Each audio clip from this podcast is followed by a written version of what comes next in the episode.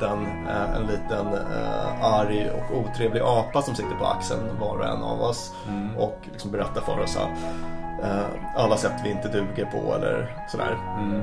Och att kunna se liksom, tankar som, som tankar och inte som sanningar Mm. är en, eh, faktiskt en psykologisk superkraft. Att, liksom, att kunna frikoppla sig lite från sina tankar. Så att, så att, ehm, det, du kanske känner till det här bluffsyndromet eller imposter syndrom. Man känner sig som en bluff. Att man känner sig som en Ja. bluff. Det, det är något som nä, nästan alla högpresterande människor brukar känna igen. Och det är den där lilla apan då, som, eller vår hjärna som gör sitt jobb egentligen. Mm. Och eh, ha, ha de här liksom negativa tankarna. Och de till exempel då eh, kan, kan vara ett hinder för oss. Eh, alltså inte ska väl jag eller jag kommer aldrig kunna.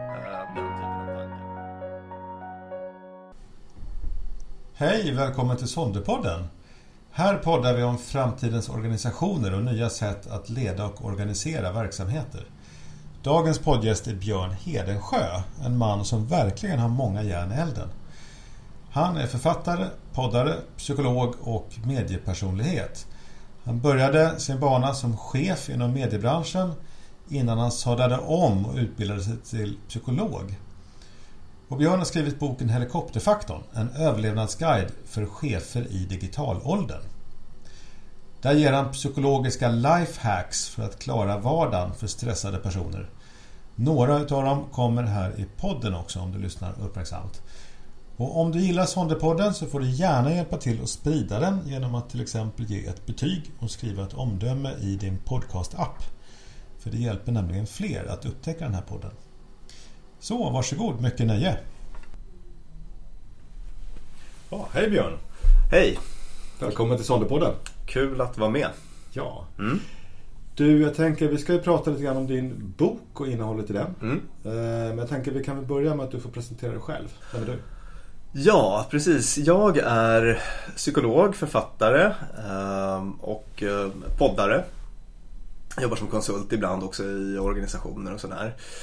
Ehm, Min bakgrund är som journalist egentligen. Journalist och chef. Och sen så sadlade jag om lite mitt i karriären till allt det här nya som jag beskrev. Ehm, Men om vi tar det lite från början så var jag, jag började som, som som journalist när var det då? Men på 90-talet någon gång och eh, ja, sent, sent, eller ja, runt 2000 kanske. Och, så, och sen så har jag eh, alltid jobbat med liksom, webbmedier då, eller jag gjorde det från, från starten när de kom sådär. Ja.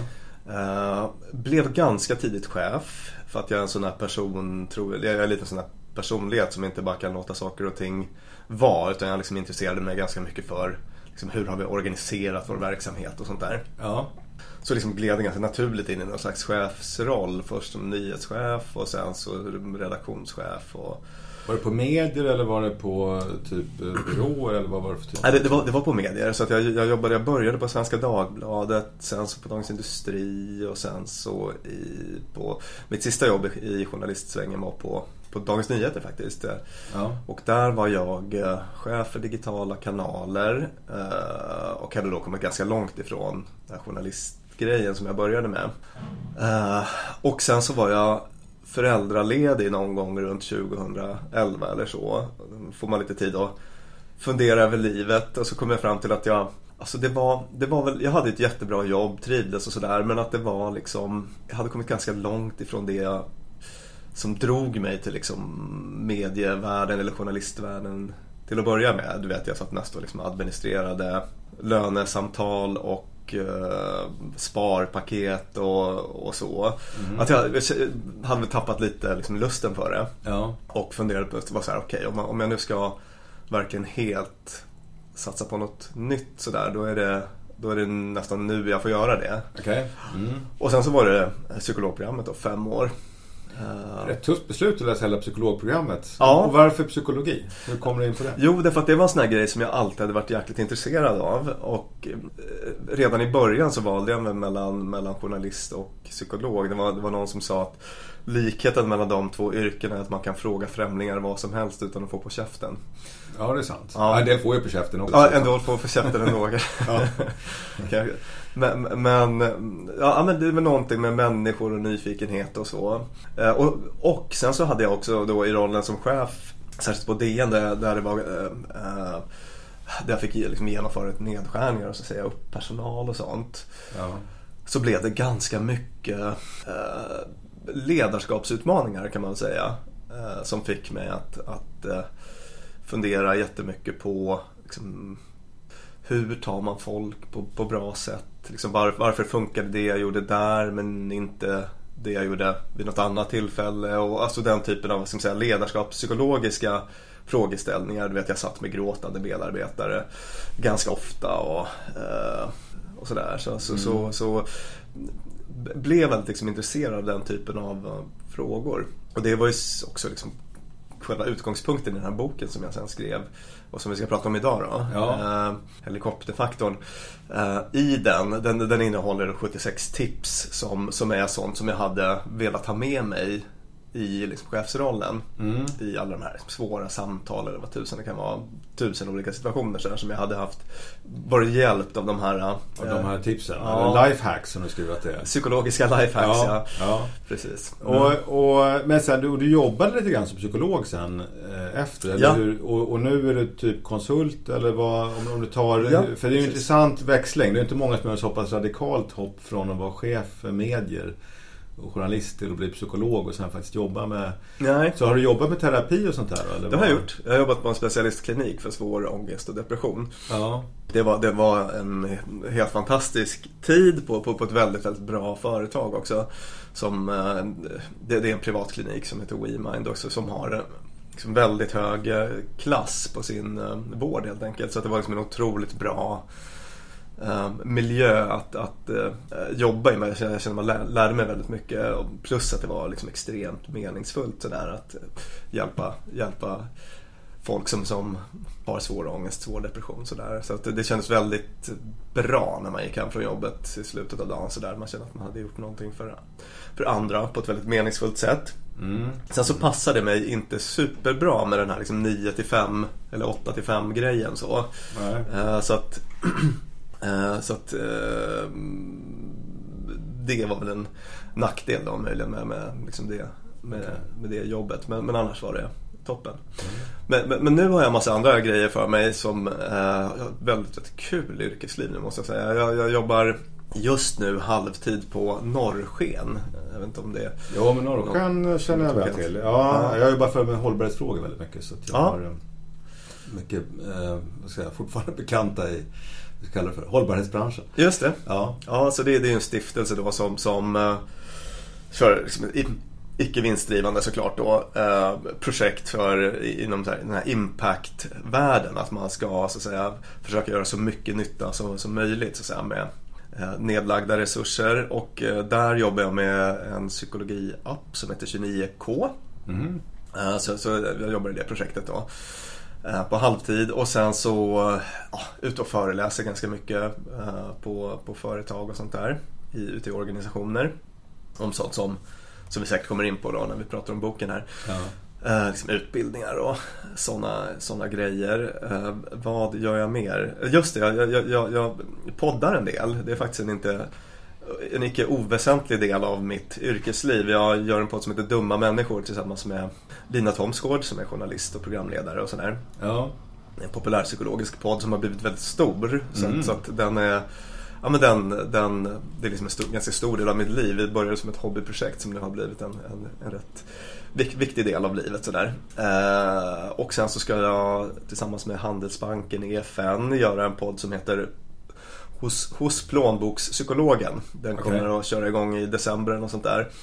Alltså var Ågren för att man fattat fel beslut. Ja, lite så. Ja, det, det handlar om ek- ekonomisk ångest kan man säga. Så att, så att i, varje, i varje avsnitt så kommer jag ha ett samtal eller som nästan en terapisession med, med en person som har oroar sig över vad Brexit kommer att göra med privatekonomin eller för att man köpte en alldeles för dyr nyproducerad lägenhet eller att man eh, har satt sprätt på arvet eller ja, det kan vara lite vad som helst sådär. Ja. Eh, Jag trodde att det skulle vara svårt att få gäster dit men det är väldigt många som har hört av sig så nu har vi en liten kö med Ja, ja, ja. Kul. Så det är många strängar på din lyra? Många, precis, och sen så håller jag faktiskt på att starta företag också inom företagshälsovård sådär, som, jag ska, som, som kommer att ta mer tid nästa år. Då. Ja, ja. Mm. ja mycket, mycket på en gång. Jag Mycket på tänkte en gång. vi ska komma in lite grann på din bok just och psykologiska lifehacks för chefer, helikopterfaktorn. Jag Ja. läste den eh, och gillade den skarpt. För att, eh, eh, dels för innehållet, eh, för jag har själv det var lite att jag själv satt och skrev en bok som kommer nästa år. Men Mm. För jag märker att jag har hamnat väldigt långt ifrån som det var för 20 år sedan. Jag skrev, jag skrev en bok för 20 år sedan. Då, den var väldigt mycket teori, organisation, struktur. Mm. Eh, och nu märker jag när jag skriver så handlar det väldigt mycket om psykologi eh, och Mm. team och sånt. Jag är långt ifrån någon proffs på det. Men liksom, det är mer utifrån liksom, yrkeserfarenhet. Så jag märker att det har blivit ett skifte. Som jag tror det inte bara hos mig utan hos många. Från att jobba eh, och, och fundera väldigt mycket på strukturerna och på liksom rita saker olika former och fundera över hur ska de funka. Mm. Till att fundera mer på hur agerar människor i system. Liksom. Mm. Och hur funkar det mellanmänskliga? Och just där du pratar om gråtande medarbetare eller frustrerade chefer och frustrerade medarbetare. Och liksom hur, hur påverkar man människor i rätt riktning? Mm. Ehm, så. så att, ehm, och, och, och dessutom är den väldigt välskriven måste jag säga. Ehm, många management-böcker enligt min erfarenhet är lite halvtaffligt skrivna och så. Men din, din sticker ut lite. Ehm, Tack så, så att, mycket. så att jag tänker om du kan börja, eh, tänker helikopterfaktorn. Kan du börja berätta lite grann vad, vad menas med helikopterfaktorn? Vad är helikopterfaktorn?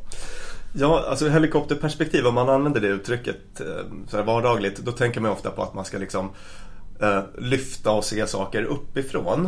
Eh, och det är också det som jag avser här, men i liksom individperspektivet. Att det är liksom individen som ska sätta sig i den här helikoptern, flyga upp lite grann och eh, få syn på vad som pågår i det egna huvudet.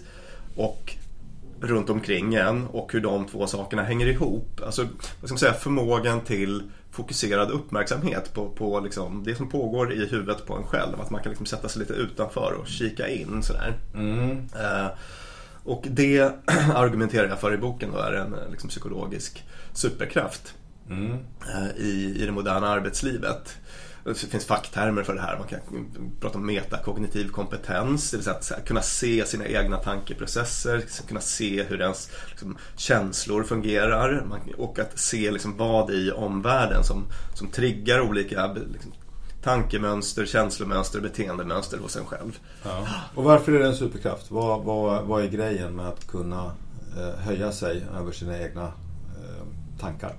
Ja, det, det, det finns liksom jättemånga uppsidor med det. Då. Ehm, ett är ju ehm, det här ganska självklara som man, man har, som det pratas en hel del om idag, att det, det här väldigt informationsintensiva arbetslivet. Alltså vi, vi, vi bombas ju med information på ett helt annat sätt än, än man har gjort i liksom, eh, någonsin tidigare i, i mänsklighetens historia. Och det kräver då den här färdigheten att, att man kan rikta sin uppmärksamhet. Um, och det finns ju väldigt mycket bra forskning nu också på det, hur, hur otroligt liksom, störda vi kan bli um, av, uh, uh, i, i det här informationsflödet och att det till och med kan räcka med att, uh, att, att, att en telefon som ligger en, en bit ifrån oss och liksom blinkar till bara kan göra att vi behöver starta om. Liksom, vi behöver liksom reboota systemet för att um, uh, slutföra den uppgift vi, vi pysslade med. Vi får liksom börja om från början då på något vis. Så att, Precis, vi blir störda hela tiden. Jag läste, tror jag jag gjorde, eller hörde jag en podd kanske, jag är lite osäker. Eh, om precis det här med de moderna arbetsplatserna. Det öppna kontoret. Som Just kom det. fram till alldeles förskräckande slutsatser om hur negativt eh, det öppna kontoret är för våran förmåga, inte bara att slutföra våra arbetsuppgifter för att man blir störd, utan också för samspelet mellan människor. För tydligen så kommer man fram till där att, att folk blir mer inbundna när de sitter på ett öppet kontor. Just för att man blir så störd hela tiden så att man på något sätt liksom kryper in i sitt skal. Ja, Jag vet inte ja. om det är någonting som du känner igen, men jag tänkte på, på det när du säger just det här man har det här ständiga blinget och så vidare hela tiden med ständiga intrycken. Ja, just det. Precis, så, så, att, så att man blir eh, så att man eh, hela tiden då tvingas liksom starta om egentligen på, i, i tankeprocesser eller eh, vad det är man gör. Um, och grejen är att de här beteendena är ju ofta helt automatiserade så att det, det, det är ingenting vi märker själva. Jag tror ett bra exempel som jag tar upp i boken är den här studien som visar att ehm, där man följde 100 mobilanvändare under en dag och, och eh, kikade på hur många gånger som de liksom fipplar med sina med sina mobiler. Jag har inte siffran exakt i huvudet nu men, men det var ju tusentals gånger då som man rör vid sina mobiler. Per dag? Per dag ja. Mm. Snittanvändaren och om man frågar samma personer så gissar de att det är ja, kanske ett par hundra gånger sådär. Mm. Det, det, det, här, det här är saker man inte eh, man lägger inte märke till det. Det är helt liksom, automatiserade beteenden. Mm. Så att eh, det jag är ute efter här är att man ska liksom, återta sin förmåga till liksom, fokuserad uppmärksamhet och att ha liksom, lite bättre koll på vad, vad, det är man, mm. vad är man mm. ägnar sig åt. Så det, det, är en sån grej. Då. Och det andra är ju eh, den här förmågan till fokuserad uppmärksamhet. Varför det är viktigt, det är ju att vi i det moderna arbetslivet. Det är att det moderna arbetslivet är så, det är så gränslöst. Mm. Så det handlar också om att kunna eh, sätta gränser. Jag tänker man har hela tiden tillgång till kontoret i form av en smartphone eh, på, på eh, nattduksbordet. Sådär, att det, mm. Mm. det finns alltid där. Eh, och att då kunna liksom, bromsa sig själv när man liksom, sträcker handen efter Eh, telefonen. Det handlar också om hållbarhet så att säga. Ja, och det är lite grann det här med självkontroll i någon mening låter ja, det som. Jag tänker självdistans, impulskontroll mm. och eh, självdistans. Jag tänker på sånt som mindfulness naturligtvis. Mm. Alltså det här att kunna lite höja sig bortom, iaktta sina egna tankeprocesser. Ja. Mening, eller liksom lite grann släppa på det som pågår här och nu. Mm. Det låter ju som en viktig, för jag tänker det är väl också en stressfaktor det här att befinner jag mig bara här och nu hela tiden i mina tankar och, och jobbar jag som chef så har man ju hela tiden bränder som jag måste liksom fundera över och släcka och mm. som pågår hela tiden. Då blir, det blir ju en sån här konstant stress också som jag behöver på något vis hitta sätt att ta mig ur. Kan det vara så att om jag höjer mig ur genom att liksom kunna inta det här högre perspektivet så kan ja. jag klara av också min vardag så att jag blir mindre fångad utav det här, den här ständiga stressen eller ständigt pågående flödet. Ja, eh, jo men, men, absolut så är det ju att, att mindfulness, eller den, den, mindfulness är egentligen eh, det, det, är förmåga till riktad uppmärksamhet. Så att, säga. så att det är eh, liksom att öva på medveten närvaro då genom meditationer, liksom guidad meditation eller bara mindfulness i vardagen. Att man är liksom här och nu. Mm. Eh, och eh, och liksom upplever det som händer eh, i, i stunden så att säga. Det, det är den förmågan man behöver träna upp då för att få den här för att kunna inta det här liksom, helikopterperspektivet mm. så som jag beskriver det här. Så, så, så, så, så är det ju absolut. Och det är också så som du beskriver en stressreducerande förmåga. Att, att, att folk som, det, det finns något som heter Mindfulness-based stress reduction till exempel, det som är ett program då, MBSR, mm. sex veckor och um, där man har liksom övat på dagliga meditationer. Mm. Och mm. det har man sett då att det har en väldigt god effekt eh, i, i stressbehandling. Så. Ja.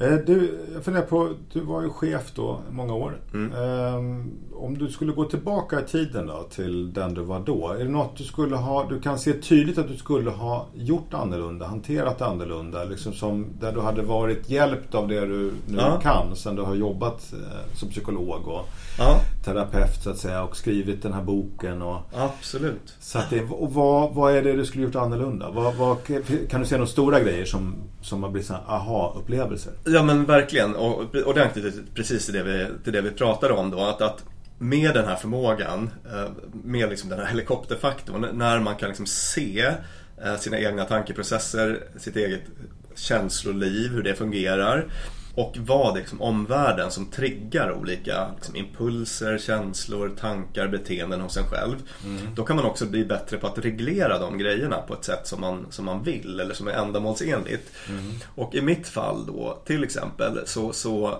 jag är en sån där person som i grund och botten trivs när alla är glada. Jag vill att alla ska vara nöjda och uh, må bra och uh, sådär. Och vad händer om de inte är det då? Blir det skitjobbigt då eller? Uh, ja, så, så, så, att min impuls är alltid att liksom vara, uh, var, var, försöka vara mysig på något vis. Ja. Men, men, det är ju liksom ingenting man kan unna sig som chef. Nej. I, I, alla lägen då. Utan, utan som chef ingår det ibland att, att det ska vara svårt helt enkelt. Ja. Till exempel om du om du måste ha ett samtal med någon om att de ska bli uppsagda. Ja. Men, men jag var då väldigt mycket så att jag min impuls i, en sån situation blir att liksom försöka mildra fallet på olika sätt. Jag försöker liksom ingjuta hopp. Och, men, men det går säkert bra ändå. Du vet, jag, jag försöker på något vis ibland kanske ingjuta hopp som inte riktigt finns och så. Nej. Så att det kan bli lite liksom, oärligt och sådär. Mm. Så det, det, är ju en sån grej då som jag, som jag har tänkt på efteråt. Att jag eh, svår, i, i, svåra samtal så, så kunde jag nog kanske framstå som lite, inte tillräckligt rak. Inte eh, att, att jag liksom försökte på något vis eh, eh, lindra fallet på ett sätt som inte var riktigt liksom hederligt eller ärligt. Eller lite flyktbeteende kanske kan Ja, nästan, nästan. Försöka fly undan det obehagliga. Ja, fly undan det obehagliga. Ja. Precis. Och, och jag är fortfarande sån, men, nu har jag så bra syn på den typen av liksom, impulser hos mig själv så att jag jag, kan stå emot dem Ja. och liksom vara kvar i obehaget. Eh, och faktiskt genomföra ett sånt samtal på ett sätt som är mycket mer direkt, rakt och faktiskt respektfullt. Eh, så, så, så det är en sån grej då att, att eh, jag har syn på den sidan hos mig själv, jag har syn på de impulserna för att jag har liksom övat upp den här förmågan, helikopterfaktorn. Mm. Och då kan jag också eh, agera på ett annorlunda sätt. Det vill säga vara, vara mycket mer rak i ett sånt läge. Och det handlar inte om att man, man ska inte vara oempatisk, man ska fortfarande vara liksom empatisk. Och, och jag har massa eh, olika tips om, om tekniker man kan använda för att liksom framstå som eller visa sin empati i ett, i ett sånt svårt samtal. Men, men jag, jag, skulle vara mycket mer liksom direkt i min kommunikation mm. uh, nu. För att, för att jag, jag vet hur jag funkar, har syn på, på de känslorna och tankarna och kan agera mer ändamålsenligt. Har, har, du kunnat testa det här? Jag tänker, har du i din, din verksamhet nu mm. kunnat själv uppleva skillnad? Ja. Uh, så. Absolut, absolut. Um, en annan sån grej att jag eh, Social ångest, alltså så prata inför mentalrädsla till exempel ja. Hade jag nog en liten släng av eh, På den tiden ja. Men det är också en sån här grej som jag um, Som jag numera kan, liksom, kan se och jobba med på ett sätt som gör att den inte alls stör mig överhuvudtaget Sen så um, svåra samtal med medarbetare är ingenting jag har längre eftersom jag inte är chef i någon verksamhet just för tillfället. Men, eh, men svåra samtal i vardagen får man ha ändå. Mm. Eh, liksom, mm. Samtal som, som innehåller mer eller mindre eller högre eller lägre grad av, av obehag sådär. Eh, men, men, men, det har jag blivit mycket bättre på att hantera. Tacka nej är en sån här grej. Också en sån sak som, som folk tycker är väldigt obehagligt ofta. Så även jag. Mm. Om någon kommer att föreslå något som verkar kul sådär. Det eh, kan vara olika skäl till att, man, till att man tycker att det är svårt att tacka nej. En sån grej är att man kan få sån här FOMO, fear of missing out. Ja. Någonting som är väldigt låter spännande eller intressant. Eh, eller så kan det vara att man bara tycker att det är obehagligt i stunden för att den här personen blir besviken när man tackar nej. Mm. Gör lätt att man tackar ja till alldeles för mycket saker och leder det till stressproblematik eller att man inte hinner med det man vill eller att det inte blir lika bra som man vill. Och så uh, så det är också en sån här grej som jag, jag kan se hos mig själv att jag har den liksom, tendensen att vilja tacka ja. Då. Men kan, kan jag bromsa de impulserna och faktiskt säga uh, Tack för att du frågar men, men, men jag hoppar över det nu. Uh. Um, så att man får gå lite emot sin känsla så. Så, så, så, det är en annan sån grej som jag... Så det är de automatiska beteendena som du får mer syn på egentligen? Ja. Hur, hur, du funkar eh, och, och, lite hur du kan göra på ett annat sätt och ta ett val, låter det som. Det, det där är en jättebra formulering som jag tycker sammanfattar precis allt som vi har pratat om nu. Det är inte svårare än så. Få syn på automatiska beteenden och kunna bromsa dem eller släppa fram dem beroende på om de är ändamålsenliga eller inte i situationen. Ja. Mm. En, en, annan sak som chef tänker jag om man jobbar med att liksom ha en organisation och du har medarbetare och du vill bygga organisationen. Finns, vad, vad skulle du säga att du skulle ha med dig idag utifrån det du vet om hur människor funkar? Som, finns det någonting du skulle göra annorlunda i hur du jobbar för att utveckla verksamheten. Mm. Och i så fall, vad, vad, är det? Vad är det för saker som, som du ser skulle göra skillnad? Uh, jag, jag beskrev tidigare hur liksom, en del saker funkade bra i chefsrollen och andra funkade mindre bra. Och jag förstod inte riktigt varför kanske. Så att det var det som var min mission då med, med uh, lite grann på psykologprogrammet. Jag ville förstå varför vissa saker hade funkat och andra inte. Mm. Och en grej som, som jag tycker funkade väldigt bra då eh, när jag var chef men som jag förstod först senare varför. Det, det, det var att jag, eh, jag tyckte att jag var duktig på att liksom motivera folk. Mm. Och det berodde på att jag var bra för att, på att använda feedback tror jag i, i chefsrollen. Att jag liksom använde mycket positiv feedback på, på, naturligt sådär. Mm. Men det är en sån grej som jag tror att jag kanske skulle liksom tänka lite mer systematiskt kring nu när jag vet vilket liksom enormt kraftfullt verktyg det är. Mm. Eh, och att motivation i första hand kommer faktiskt utifrån. Eh, alltså att det, det, det, det verbal feedback från, från chefen är, är liksom det mest kraftfulla förändringsverktyg som, som finns. Att man, eh, Det mest motiverande så att säga Ja. för medarbetare. Men för det där är intressant för att här eh, hos Sonder så eh, pratar vi ganska mycket om det här med det, intrinsic motivation. Mm. Liksom de här interna motivationen. Ja. Utifrån inte minst det blev så poppis med han Dan Pink heter han väl som skrev en bok om Mm.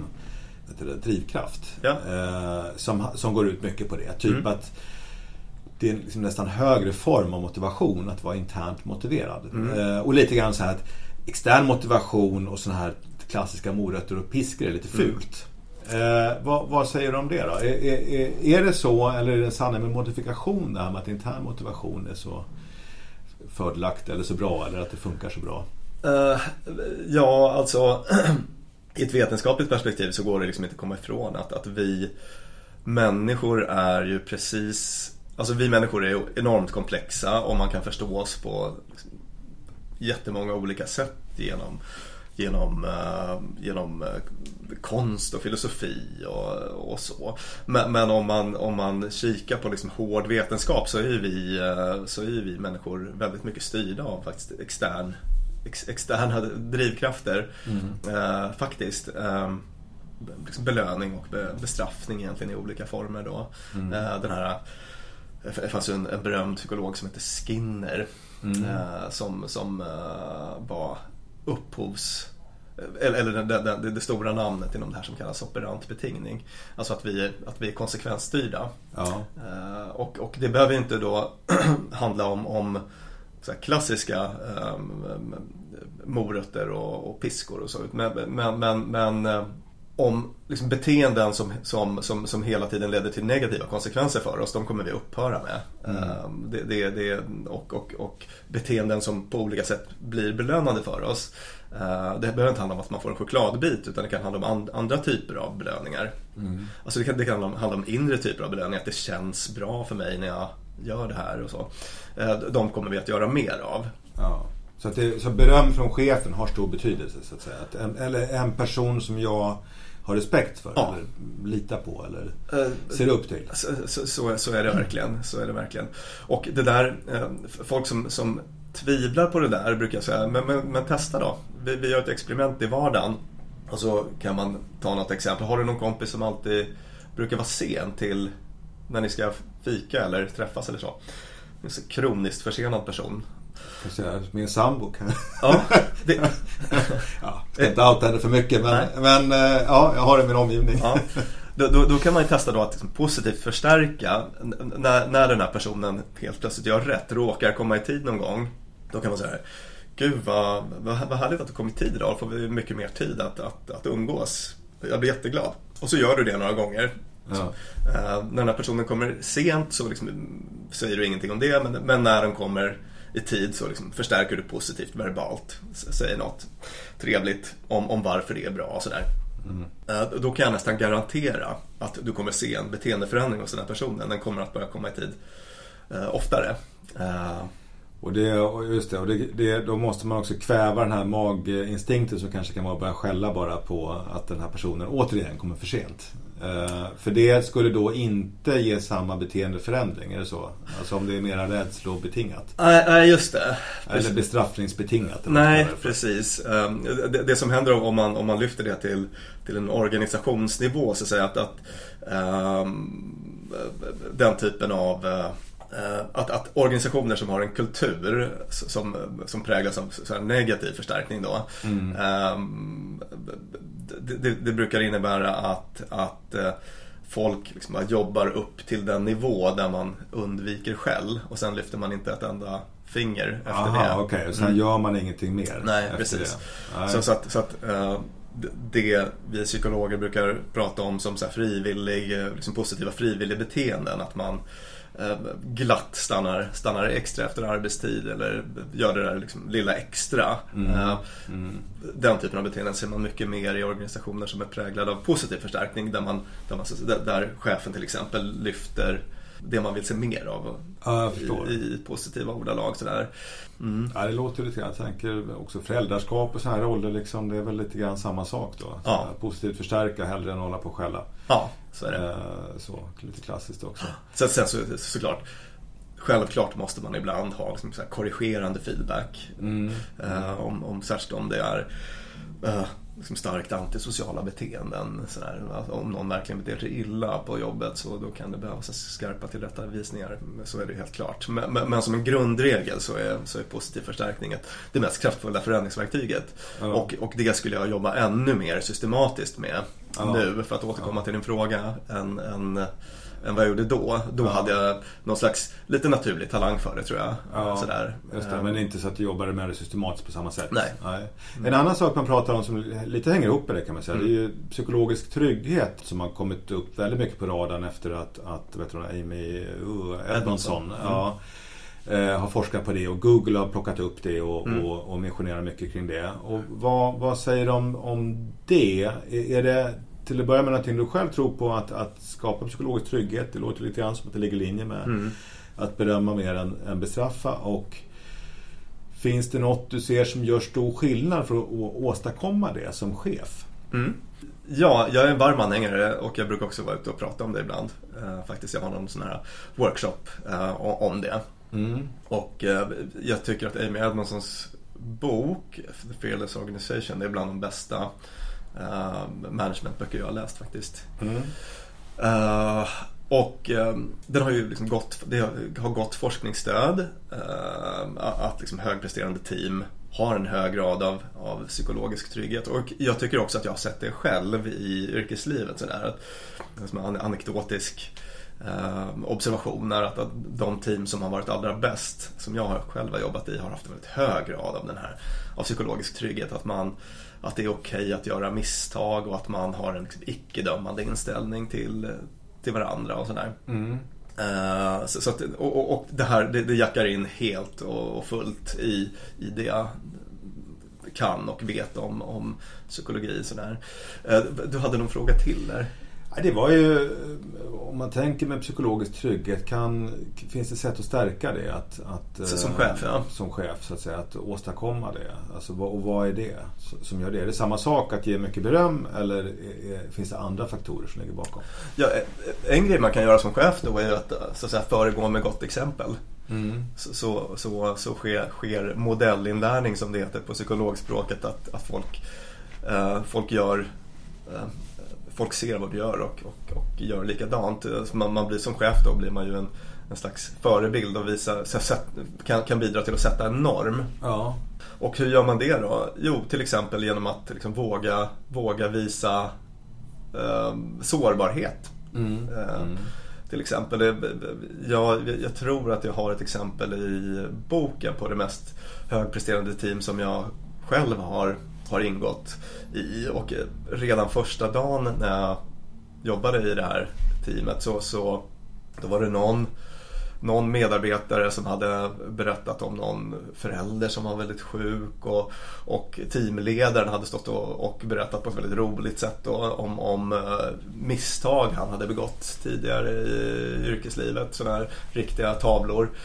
Och jag minns att jag gick därifrån efter den arbetsdagen och kände vilken, vilken otroligt härlig... Eh, dels kände jag att jag gillade de här personerna som, ja, som, ja. som uh, ingick i teamet och som vågade visa upp olika sidor av sig själv. Uh, och dels kände jag att det här är ett ställe där det är liksom okej att, att göra fel, att göra misstag, att, att uh, liksom visa svaghet. Det, det, blir en väldigt liksom trygg och varm känsla. Mm. Och då, då ska man säga att, att det här med att man har den här liksom tillåtande attityden innebär ju inte att det är eh, att man inte bryr sig om prestation. Utan det är, resultatet blir tvärtom då, att, att man, man ser att de här teamen presterar bättre. Uh, så, så det, det, har ju, det, har inte med, det har inte att göra med att man ska ställa låga krav så att säga på output eller så. Nej. Utan, eh, men, det, men det som sker är att alla vågar bidra med idéer. För att man behöver inte vara orolig för att någon ska, liksom, eh, för att någon ska häckla dig för, för, för, för din idé. Eh, utan eh, i, ett team med väldigt låg grad av psykologisk trygghet ser man då istället att, att det där blir så status management. Att man, man får, får jag, undrar om jag får säga någonting nu eller det, det, det är nog bara den där liksom informella ledartypen som får säga vad hon eller han tycker. Och, och så massa kunskap går förlorad i, i, i den liksom otryggheten så att säga. Mm. Medan i de här psykologiskt trygga teamen så, så kommer fler idéer upp till ytan. Men sen kan man också se då att, att i de här teamen med en hög grad av psykologisk trygghet finns ju liksom en väldigt rak och öppen kommunikation. Så att, så att det, det är inte så att de här att, att, dåliga idéer Alltså dåliga idéer skjuts ner där också men, men, men på ett sätt som är eh, inte gör folk eh, liksom ledsna eller skapar konflikt. Utan, ja, okay. utan det finns en, en, eh, en, en rak och, och direkt kommunikation som, som, som, som liksom premierar eh, prestation och resultat. Men det som då pajar den psykologiska tryggheten, du sa det här med status, eller liksom att jag vågar inte riktigt eh, mm. säga vad jag tycker och tänker för att mm. jag, inte, jag inte har rätt status eller rätt roll. Kan, mm. kan det då vara ett hinder? Alltså att, att man är liksom uppdelad i man, man har inte en jäm, alltså det är en förutsättning att man är jämlika. Eller att man uppfattar sig som att varje röst är lika mycket värd. Ja. Är det så? Ja. Så att, så att eh, man kan inte ha för liksom nivellerad organisation av, av typ. Ett klassiskt managementkonsultföretag. Det är mm. ofta som man har seniora partners som liksom är, är de som väger tyngst. Och sen så har du liksom unga konsulter som är liksom juniorer som inte vågar säga flaska. Mm. För att, typ, kanske de vågar nu. Men, eh, mm. men när jag var ny som konsult i alla fall så ja. hade man mycket respekt för de äldre. Ja, uh, och det, det, är klart man ska ha respekt för, för erfarenhet. Men, men, men det låter som en typisk situation i, i vilken massa goda idéer kan gå förlorade. Mm. Ibland är det kanske den där juniorkonsulten som sitter med det absolut bästa förslaget och som inte vågar, mm. vågar öppna munnen. Mm. Ja, det är intressant det där, alltså att få teamet att, att prestera. För det har jag sett också någonstans, det här med att, att en hemlighet har jämn kommunikation, att alla kommunicerar lika mycket. Och det, det, det är precis samma sak, det hänger ihop. Ja. Det, det, det är psykologisk trygghet på ett sätt. Eh, det var väl i det här projektet Aristoteles då till exempel som Google gjorde. Mm. Och, och där de kunde identifiera att, att under fem år så utvärderade man eh, var det 800 team kanske och kikade på vilka som eh, var högpresterande och mindre högpresterande och undersökte vad de här skillnaderna berodde på och kunde se då att liksom, när man hittade det här konceptet psykologisk trygghet eller det liksom vetenskapliga begreppet så kunde man mäta det och, och se att det var det som, som uh, mer än något annat avgjorde den här skillnaden och i det så ingår liksom, ta, hur, hur, mycket taltid har mm. personen var som, ja. har, har var och en i, i, ja. i teamet. Så, så, så det, det, är, det är jätteviktigt då. Eh, det är ett sätt att, att komma åt den här konformiteten som blir annars. Att man blir en bunt ja-sägande nickedockor under en liksom stark eller karismatisk eh, eller extrovert person som kanske dominerar ett team men ja. som inte nödvändigtvis har de bästa idéerna. Ja. Det är en annan fråga som jag stöter på rätt ofta tycker jag. För jag eh, jobbar ju en del med organisationer av typ myndigheter som har ett väldigt stort ansvar för någonting. Mm. Eller för många saker. Som ofta blir därmed rätt regelstyrda och mm. paragrafstyrda. För det är de som liksom också utfärdar paragrafer i någon mening. Mm. Och det man får höra då, det är inte så sällan eh, argument i stil med att så här kan vi inte, det går inte att göra så här. Därför att eh, det är så riskfyllt och känsligt så att eh, vi, vi, måste liksom se till i första hand att aldrig göra fel. Och det jag märker är att det kväser lite utav den här vad ska jag säga, eh, möjligheten till förändring eller till utveckling. För mm. att man liksom fastnar i det här att det går inte och det mm. går inte och mm. man måste vara försiktig och vi vågar inte. Mm. Eh, vad, vad, tror du sådana organisationer, alltså kan man tillämpa samma tänk kring psykologisk trygghet och är det också, tänker jag, i det här med, man kallar det ibland för high reliability organizations där man liksom måste göra rätt. Mm, mm. Alltså kan man, kan man ha en sån utan att ha det här fenomenet att um, folk går omkring och är försiktiga och skraja för att man hela tiden på något sätt känner att jag vågar inte riktigt göra någonting. Jag måste hålla mig inom eh, någon, någon, form av regelverk som... Mm. Så jag menar att, att, att det blir en överrock som kväser mm. eh, kreativitet och liksom förändringsförmåga. Ja, eh, det, det, det, det, är ju... Alltså det finns ju vissa, jag tänker om man är så flygledare till exempel. Mm. Eh, alltså då får, då får man följa vissa liksom, regler som finns. Uh, så här, direkt ordergivning. Uh, nu ska du göra si eller så. Mm. Uh, är ju ingenting som främjar kreativitet. när vi upplever att vår frihet inskränks i, i, i ett vanligt team, i ett företag sådär direkta order är en sån här sak som, då, som, som inte främjar kreativiteten direkt. Men om man är flygledare så, eller så, så, så, så då, är det den typen av kommunikation som, som måste till. Så att. Man, man har inte så mycket handlingsutrymme och jag tänker i här, min, en del myndigheter, man har ju regelverk att förhålla sig till mm. eh, som, eh, som är kanske lite mer rigitt än vad det är i, i privat näringsliv och så.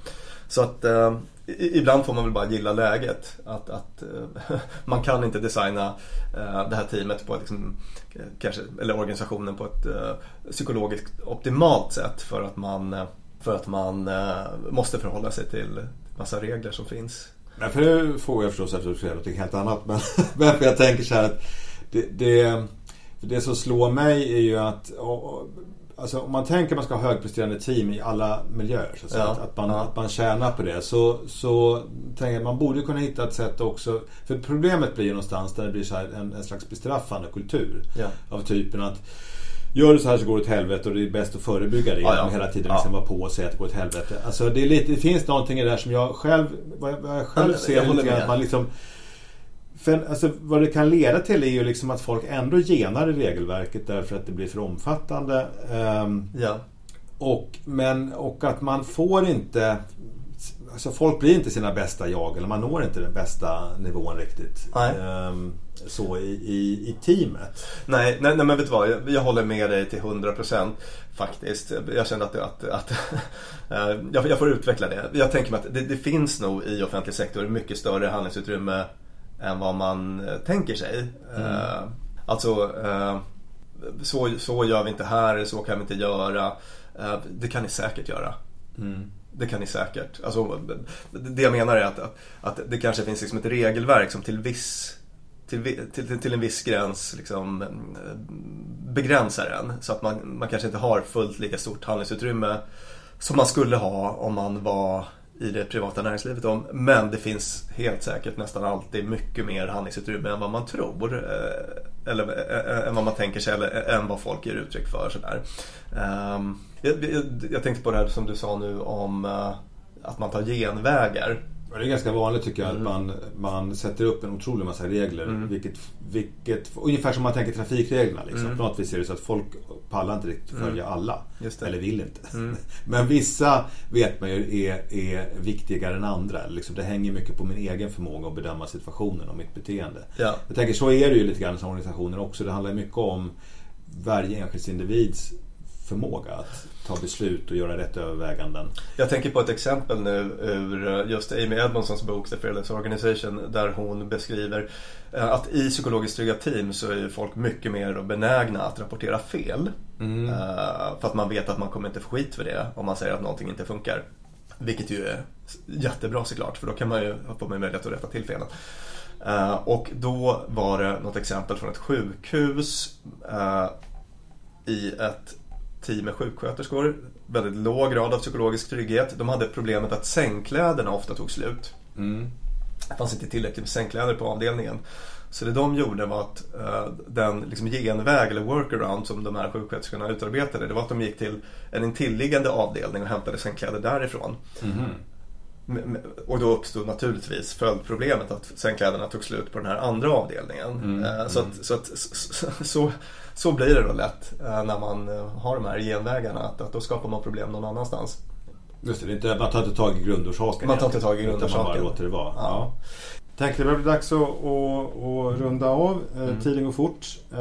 Men jag tänker så här att finns det några tips du har? Liksom, några saker utifrån det du skrivit i din bok som du känner att det här är extra viktigt att förmedla till till exempel en chef som lyssnar på det här. Liksom, mm. de, de du riktade till i boken. Mm. Vad, vad, vad är det viktigaste, de, de tre, fyra viktigaste grejerna så att, säga, att, att ta med sig?